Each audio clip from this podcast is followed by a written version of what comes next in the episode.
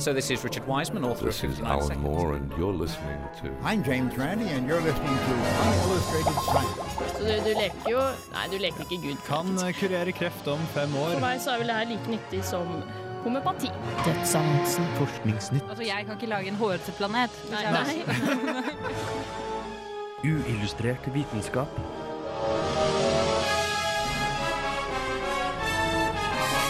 Science, works, bitches. Uillustrert vitenskap tar ikke påskeferie, men bruker hele tiden på å rakke ned på påsken og dens mysterier og undre. Samtidig får du en alternativ underholdning med litt nyheter basert på faktisk viten.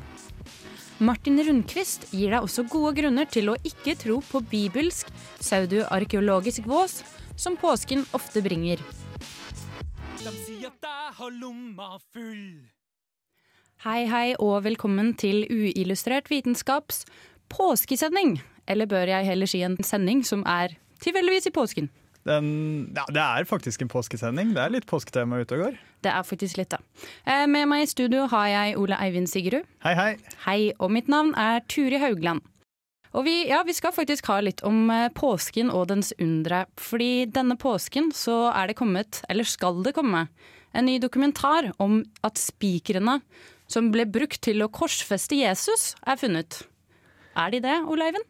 Ja, eller den dokumentaren kommer i hvert fall. Eh, Jeg vet faktisk ikke når den bli vist i Norge, men den blir vist da i ymse utland eh, denne påsken. Ja. Og du har eh, prøvd å lete litt om det faktisk er Jesus sine spikere, eller? Eh, Det har jeg. Eh, Jeg har lagd en liten reportasje om eh, hva, hva er det hele går ut på. Eh, Og så kontaktet vi jo da Martin Rundquist for å få svar på om dette her er noe vi skal tro på. da. Ja, Han skal fortelle oss litt om bibelsk pseudoarkeologi, var det det? Ja. Ja, Og det skal dere få høre rett etter Wagon Christ, Manalize This. Let the bass kick. Hi. Uh, all right, so the compression and expansion of the longitudinal waves cause the erratic oscillation, you can see it there, of the neighboring particles. Uillustrert vitenskap. Spikrene fra Jesu korsfestelse er endelig funnet. Det påstår i hvert fall filmskaper Simka Jakobovic i den nye dokumentaren The Nails of the Cross. Spikrene sies å ha blitt funnet i gravkamera som tilhørte den jødiske øverstepresten Kaifas, som ifølge Det nye testamentet ledet Det høye rådet under prosessen mot Jesus. Og da må jo spikrene være fra nettopp Jesu korsfestelse. So if you accept that this is the tomb of Caiaphas, and if you accept that these nails came from given that Caiaphas is only associated with the crucifixion of Jesus, they very well could be those nails. De to spikrene ble imidlertid borte på mystisk vis kort tid etter graven ble oppdaget i 1990. Jakobovic mener nå han har sporet dem opp på et laboratorium i Tel Aviv. Men hvorfor skulle de ha forsvunnet på den måten? Er det en konspirasjon? Eller ble de bare oversett? Dette gir han oss ikke noe svar på. Til tross for at diskusjonen lenge har dreid seg om Jesus ble korsfestet med tre eller fire spikere, finnes det minst 30 slike relikvier rundt om i Europa. Som respons på dokumentaren påpeker også The Israeli Antiquities Authority at det ikke har blitt bevist at graven faktisk tilhørte Kaifas, og at det ikke er uvanlig å finne spikere i slike gravkamre. Med oss nå har vi arkeolog og nyvalgt leder i Foreningen vitenskap og folkbildning, Martin Rundquist. Velkommen. Takker, takker. Hei på deg, Ole Eivind. Eh, Vi har jo tidligere hatt besøk av deg for å snakke om eh, studioarkeologi. Eh, vi kan jo ta en liten oppfriskning. Hva er studioarkeologi? Ja, arkeologi är jo studiet av hur människor levde förr. Vi håller inte på med dinosaurier. Och skillnaden mellan en arkeolog och en historiker är att arkeologer gräver hål i marken och plockar upp fysiska föremål som är rester av hur folk levde förr. Och man kan säga att pseudoarkeologi det är ofta väldigt långtgående tolkningar utav ett eh, arkeologiskt källmaterial som eh, en professionell arkeolog inte skulle fästa så stort avseende vid. Um, pseudoarkeologi produseres ofta av folk som inte har någon arkeologisk utbildning eller som har um, en väldigt uh, ensidig ingång till ämnet, liksom, som är väldigt fixerade vid en, en enda sak. Och ett exempel är då folk som gärna vill bevisa att Bibeln är sann, att det är deras agenda. Og nå påstår jeg altså eh, Simcha Jakobovic at han har funnet de hellige spikrene som ble brukt til å korsfeste Jesus. Eh, Først, hvem er denne Jakobovic? Ja, det är fantastiskt. Ja, han är alltså eh, filmregissör. Och eh, hans grej är att eh, göra dokumentärer om eh, bibelarkeologiska spekulationer. Så att eh, 2007 så hade han en, en, film som hette The Lost Tomb of Jesus. Alltså Jesus förlorade eh, grav, där han försökte leta reda på klippgraven där eh, Jesus från Nasarets kropp skulle ha, ha lagts efter korsfästelsen. Nu har de kommit igen, det är knappt fyra år senare och nu är det spikarna som de spikade fast Jesus från Nasaret med som han jagar. Eh, så hva, är det han påstår med disse spikarna? Jo, så här är det. Att 1990 så grävde man ut en, en brandgrav eh, i närheten av Jerusalem och eh, den, de här brända benen var deponerade i en eh, slags låda utav sten. Och på den fanns det en prydlig inskription, vilket är ganska ovanligt. Och där stod det att det var eh, Kaifas, eller snarare eh, hette han Josefs son av Kaifas, som låg i lådan. Och eh, det där är lite märkligt alltså, för det verkar som det finns en liten industri där nere och tillverkar fejkade eh, inskriptioner på gravar. För att eh, bara några år senare så dök det upp en annan likadan där det stod att det var Jesus bror Jakob som låg begraven i lådan. Så eh, det är förmodligen så att det är riktiga gravar som sen lycksökare eh, kompletterar med inskriptioner på arameiska. Alltså de går in och, och liksom förbättrar sitt fynd lite grann. Men i denna låda där Josefs son av Kaifas eh, eventuellt skulle ligga, där fanns det massor av ben. Och när man eh, lämnade dem till en osteolog så hittade den ett par spikar. Och det är synnerligen banalt. Eh, vi har att göra med romartiden här och romerne romarna de spik på en eh, industriell skala. Alltså var man än gräver i det romerska riket hittar man spik. Eh, vad heter spik på norska? Det är spik också va? Det är spiker. Ja, just det, spiker. Um, så att det faktum att det finns spik i en brandgrav från, från första århundradet är absolut ingenting att hetsa upp sig över. Och sen så har de dragit den här mycket märkliga slutsatsen att eftersom det låg spik i den här graven så måste spiken ha varit enormt viktig för den döde. Och det är också sådär oerhört konstigt därför att när man kremerar någon då gör man ju det med virke som dels kan vara spikar i därför att man har satt ihop ett likbål som måste hållas ihop. Men sen också därför att man återanvänder gammalt byggvirke. Det är jättevanligt att när man eldar trä efter att ha rivit ett hus så blir det massor av spik kvar på platsen när man eldar. Men jag skulle nog säga att det allra främsta argumentet mot den här sagolika tolkningen, äventyrliga heter det på norska, det är att när Kaifas dog så var Jesus från Nasaret inte en viktig person. Alltså, när Kaifas skrev sitt CV så var avrättningen av Jesus inte en av de viktiga punkterna där. Han brydde sig inte så mycket om den här snickaren från Galileen. Det var liksom inte hans karriärs höjdpunkt att han hade tagit livet av honom. Utan det är först årtionden senare som den här märkliga sekten i Rom börjar bry sig om den här snickaren väldigt mycket. Så jag är övertygad om att eh, när Kaifas begravdes, det var väl förmodligen inte i den här graven eller någon annanstans, så, så sjöng man sånger om hans olika bedrifter och hans eh, karriär som överstepräst och sådär. Och jag är övertygad om att man diskuterade inte den där märkliga upprorsmakaren som man hade avrättat. Eh, så eh, hvordan påstår Jakobovic at akkurat disse to spikerne var fra Jesus korsfestelse? Jag har inte sett filmen så jag kan inte riktigt svara på det men det jag har förstått när jag läst om det här är att Jakobovic liksom förutsätter att Kaifas skulle ha satt enormt stort värde på någonting som hade att göra med korsfästelsen. Men då gör han sig skyldig till en anakronism därför att, att man eh, i sen tid i en kristen miljö är jätteintresserad av Jesus från Nasaret. Det är en sak, men att projicera det intresset på folk som levde på Jesu tid, det är en helt annan. Alltså, Jesus uppfattades som så obetydlig så att han finns nästan inte nämnd i samtida källor. För egen del så tror jag att han är en historisk person, att Jesus från Nasaret var en person som, som promenerade runt och hade bisarra gurulika föreställningar för sig. Ehm, men han var ju absolut inte någon viktig person i sin samtid. Så eh, hvor populært eh, generelt er bibelsk eh, pseudoarkeologi? Det är ganska populärt bland religiösa amerikaner. Eh, De tillhör ju olika typer av protestantiska frikyrkor som har eh, slagit rot i USA därför att de var förföljda i Europa. Och där, där är man lite så här eh, paradoxalt intresserad av att försöka bekräfta Bibeln väldigt konkret och arkeologiskt. Det är paradoxalt därför att inom protestantismen så skal man enligt Martin Luther bli salig på tron alena. Alltså en god protestantisk kristen ska inte söka bevis för sin tros riktighet.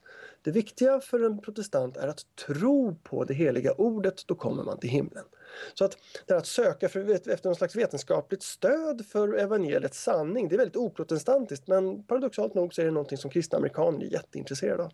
Så de finansierar en massa utgrävningar i, eh, Israel och vill gärna tolka allting i termer av att det bekräftar bibelordet. Et annet eh, påskerelevant eh, tema er jo jødenes eh, utferd fra Egypt. Og her har jo også Jakobovic slått seg løs. I hans dokumentar 'The Exodus Decoded' mener han å ha bevis for at utferden virkelig fant sted 1500 år før vår tidsregning.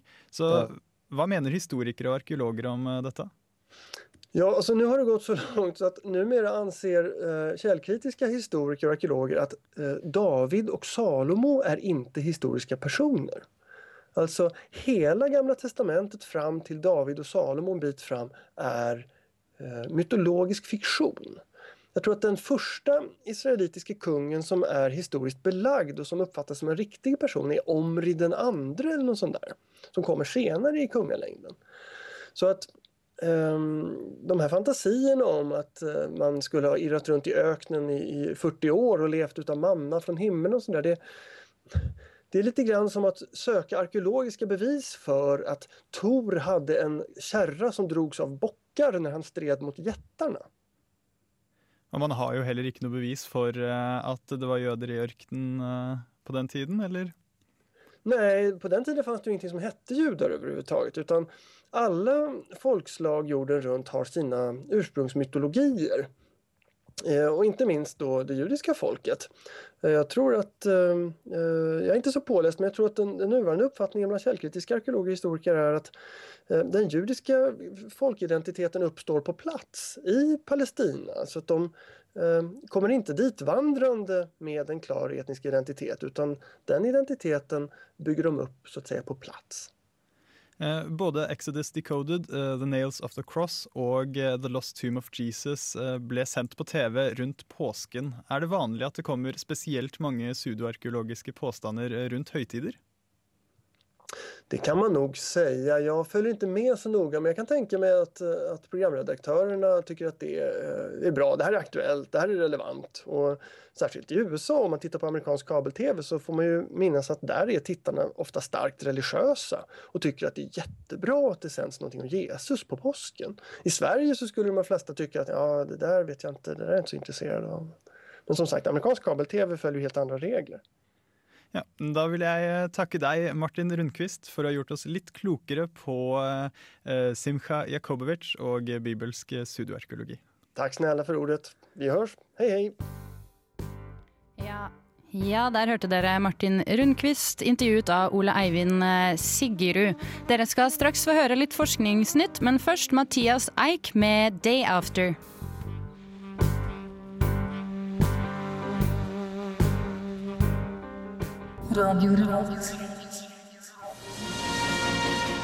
Uillustrert vitenskap presenterer Forskningsnytt.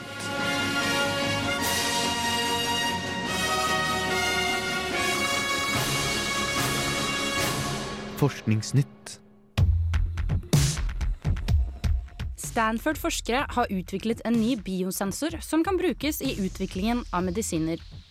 Biobrikken er lastet med meget sensitive nanosensorer som analyserer hvordan proteiner binder seg til hverandre. Dette er et kritisk steg ved evalueringen av effektiviteten og bivirkningene til nye medikamenter. En kvadratcentimeter av nanosensorene kan overvåke bindingen av 1000 ganger flere proteiner enn noen eksisterende sensorer kan i dag. Sensorene kan også detektere interaksjoner med høyere sensitivitet, og levere resultatene raskere enn standardmetodene som brukes i dag.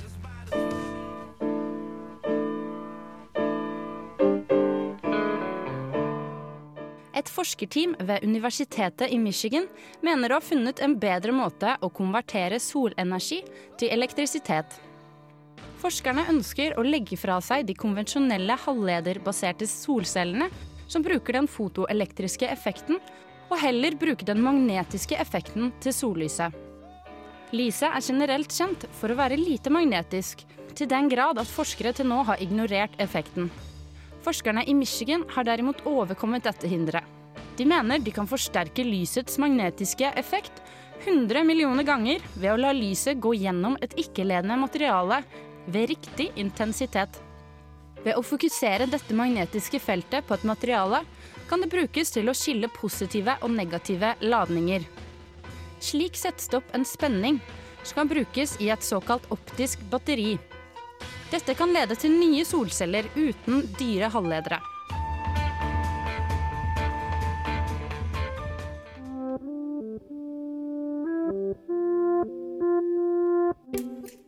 Folk som ikke innehaver gaven å gjenoppstå denne påsken, kan kanskje heller glede seg med denne nyheten. I 2009 meldte Fraunhofner institutt for bioteknologi at de håpet på å masseprodusere hud til lavere kostnader for klinisk testning og annet bruk. I dag er fabrikken å finne online med roboter som presser ut rosa løsning til pipetter, som igjen gjøres om til lag på lag med menneskehud.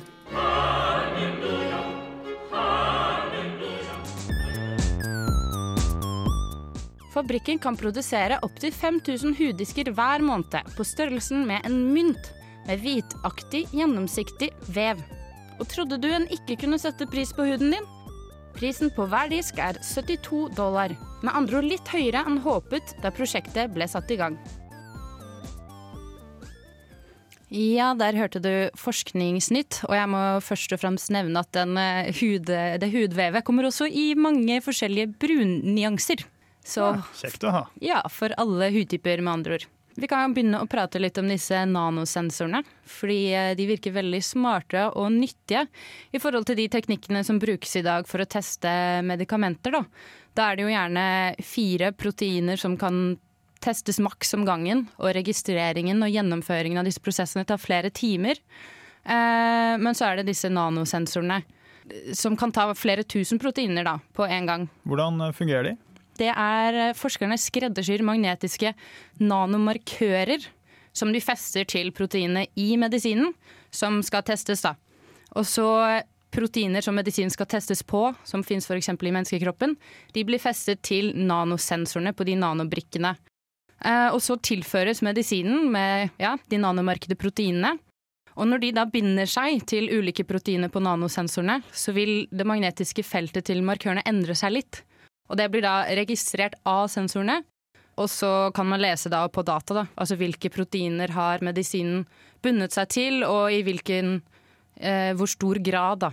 Så for eksempel hvis du skal eh, teste en medisin mot brystkreft, så er jo målet til medisinen at ja, medisinen skal binde seg til de aktuelle proteinene på brystkreftcellene eh, så sterkt som mulig. Men samtidig vil du jo vite kan det feste seg til noen andre proteiner og gjøre noe Altså at du får bivirkninger og effekter man ikke ønsker, da. Eh, men det kan du da gjøre ved å feste brystkreftproteinene til eh, sensorene sammen med masse andre proteiner, og så ser du hvordan det går. Aha. Eh, Dette virker jo veldig gunstig, men eh, hvor- nært i fremtiden er det dette her? De har testet de biobrikkene siden 2009, da. Så de har testet det ganske mye, faktisk. Men eh, jeg vet ikke hvor, hvor langt unna det er å brukes, egentlig. Og disse solcellene, det er jo alltid kult med nye solceller. Det er sant. Er det noe vi kan få litt raskere? Ja, det er jeg litt mer skeptisk på. Det var de, Dette studio, eh, studiet kom jo da fordi solcellene vi bruker i dag, mente de forskerne, de er jo ganske eh, veldig lite effektive, rett og slett. Og de er ganske dyre eh, pga. halvlederne i solcellene. Eh, så derfor tenkte de ja, ok, vi prøver å utnytte noe annet ved sollyset. Eh, men det viser jo da at den teknikken som de har funnet, eh, er veldig langt fra perfekt ennå. Og den fører til ja, 10% effektivitet. som er den samme effektiviteten som finnes på solceller i dag, bare at det er litt billigere. Men uh, likevel så er den enda lengre unna, uh, unna markedet. Uh, en del år, vil jeg tro. Fordi for å få sollyset, for å kunne utnytte magnetiske feltet til sollyset, så må sollyset være fokusert på, til en intensitet på 10 millioner watt per kvadratcentimeter. Wow. Så det er jo ganske mye mer enn det sollyset har i dag. Så de forskerne prøver å lete etter andre materialer som trenger lavere intensitet. Men eh, ja, jeg syns jo det er ganske kreativt, da. Å prøve å bruke det magnetiske feltet til sollyset som folk fram til nå har tenkt det er jo så lite at det, det trenger vi ikke bruke, men de, ja, de tenkte nytt. Det skal de ha. Fiffig. Ja, ikke sant. Eh, disse huddiskene du nevnte til slutt, eh, hva, hva var det? Ja, Det høres jo litt rart ut. Det er jo vev som skal produseres i fabrikker. Eh, Det er jo gjerne fordi eh, forskerne har alltid tenkt for seg at de har lyst til å masseprodusere vev som kan brukes til ja, blærer, brusk, menneskelige organer, ikke sant. Men, eh, og de har jo fått til å produsere sånn vev, det er bare at det er veldig tidkrevende. Og det er veldig dyrt. Så de da, de tyske forskerne tenker at ok, hvis vi skal få dette til å fungere for alle, så må vi gjøre det i stor skala. Og lage fabrikker for det, da, sånn at det faktisk kan bli billig nok. Eh, og det hørtes ut som de faktisk hadde klart å produsere hudvev som man kan kjøpe og bestille fra internett, men det kan du ikke til deg selv, i hvert fall helt ennå. Ja. Det brukes bare til dyretesting, faktisk. Trist som Det det, virker jo veldig veldig kult, og så kan vi jo kanskje få noen litt sånn sci-fi-scenarioer eh, ut av det i fremtiden òg. Over til noe annet. Eh, Det er jo påske. Og da er det mange som prøver å feire og litt, litt forskjellig. Så vi skal prate om, litt mer om det etter Relic med Stronger. For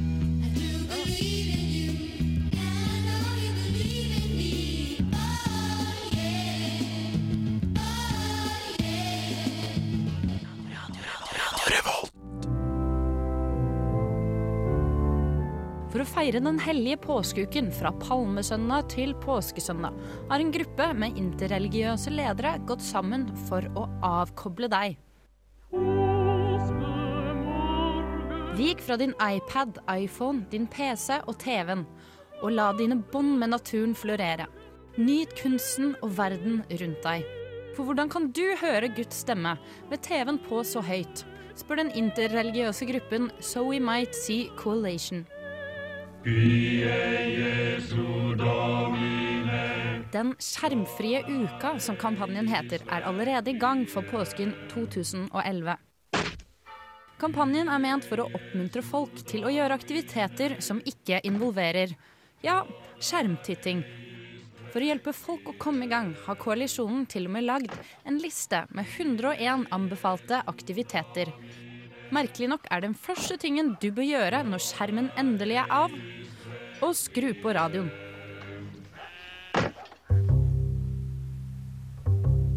Så langt finnes ikke tegn på at Vatikanet har signert seg opp for en skjermfri uke. Det virker mer som om pave Benedikt den 16. er mer teknisk orientert når han gjester Facebook-sider og YouTube. I februar i år ble også den første iPhone-applikasjonen velsignet av den katolske kirke for å gjøre katolikker klar for bønn. Likevel glemte ikke paven denne palmesøndagen å nevne hvordan teknologien truer menneskets forhold til Gud.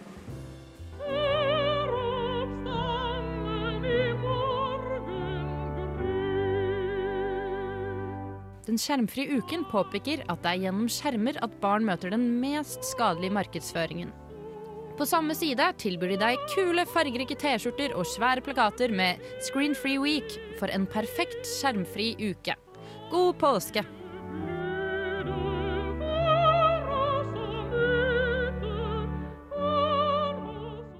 Ja, det er mange morsomme ting eh, man kan fylle påsken med.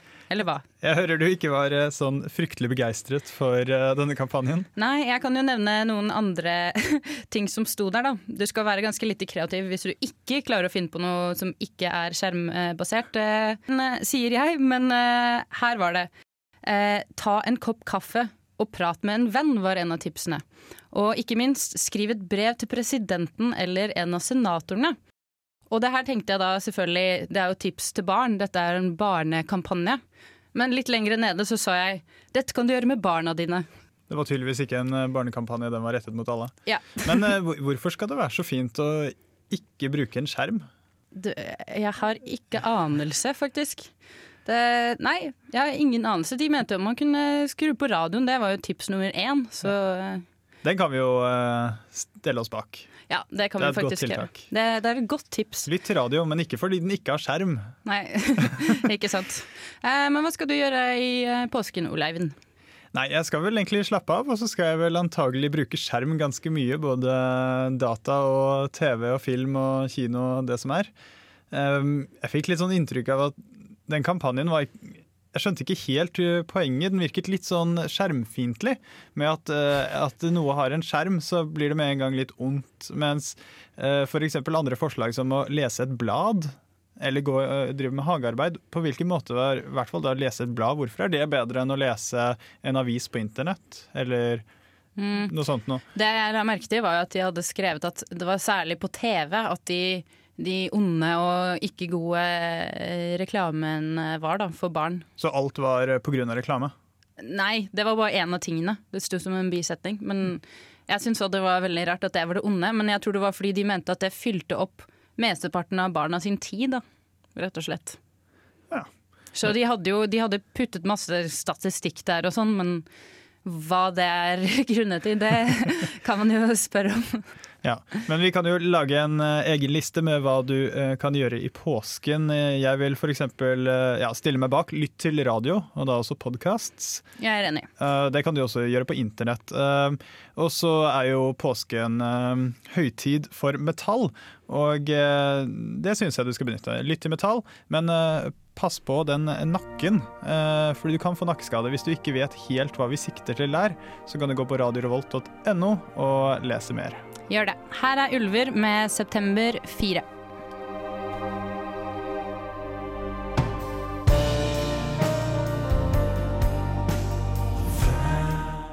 Der hørte dere Ulver, September 4 eller September 4 fra den nye skiva deres.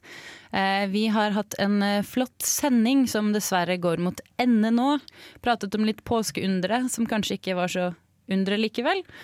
Og hatt litt forskningsnytt om eh, eh, fabrikkering av hud og ja, solceller som ikke funker så bra. Det er jo spesielt eh, artig med denne pseudoarkeologien som alltid spretter frem hver påske. Ja, så hvis du går ja, zapper deg gjennom National Geographic denne påsken, så ikke tro alt du ser. Nei. Nei. Vi forsvinner snart fra FM-båndet, men eh, vi er å finne mange andre steder, bl.a. på Facebook, Twitter og radiorevolt.no, ikke minst. Last oss ned på podkast, vær så snill, rate og ha en fin påske, egentlig, vil jeg si. Eh, Med at vi eh, blir borte fra FM, så um, mener hun ikke her at vi blir fjernet fra luften, eller noe sånt, nå, men at uh, det begynner å bli eksamenstid og sommerferie, og da tar vi oss fri. Uh, Men det kan jo hende det kommer noen sommersendinger uh, underveis i sommerferien også. I så fall så vil du bli opplyst om det på Twitter og Facebook. Ja. Vær oppvakt. Eh, tekniker i dag har vært Ole Eivind. Yeah. Strålende jobb. Eh, og han har også pratet. Oi, oi. Oi, oi. Med meg. Jeg har vært tur i Haugland. Ha en eh, fin påske. Ha det godt. Ha det. and the sanctuary cleansed. Then the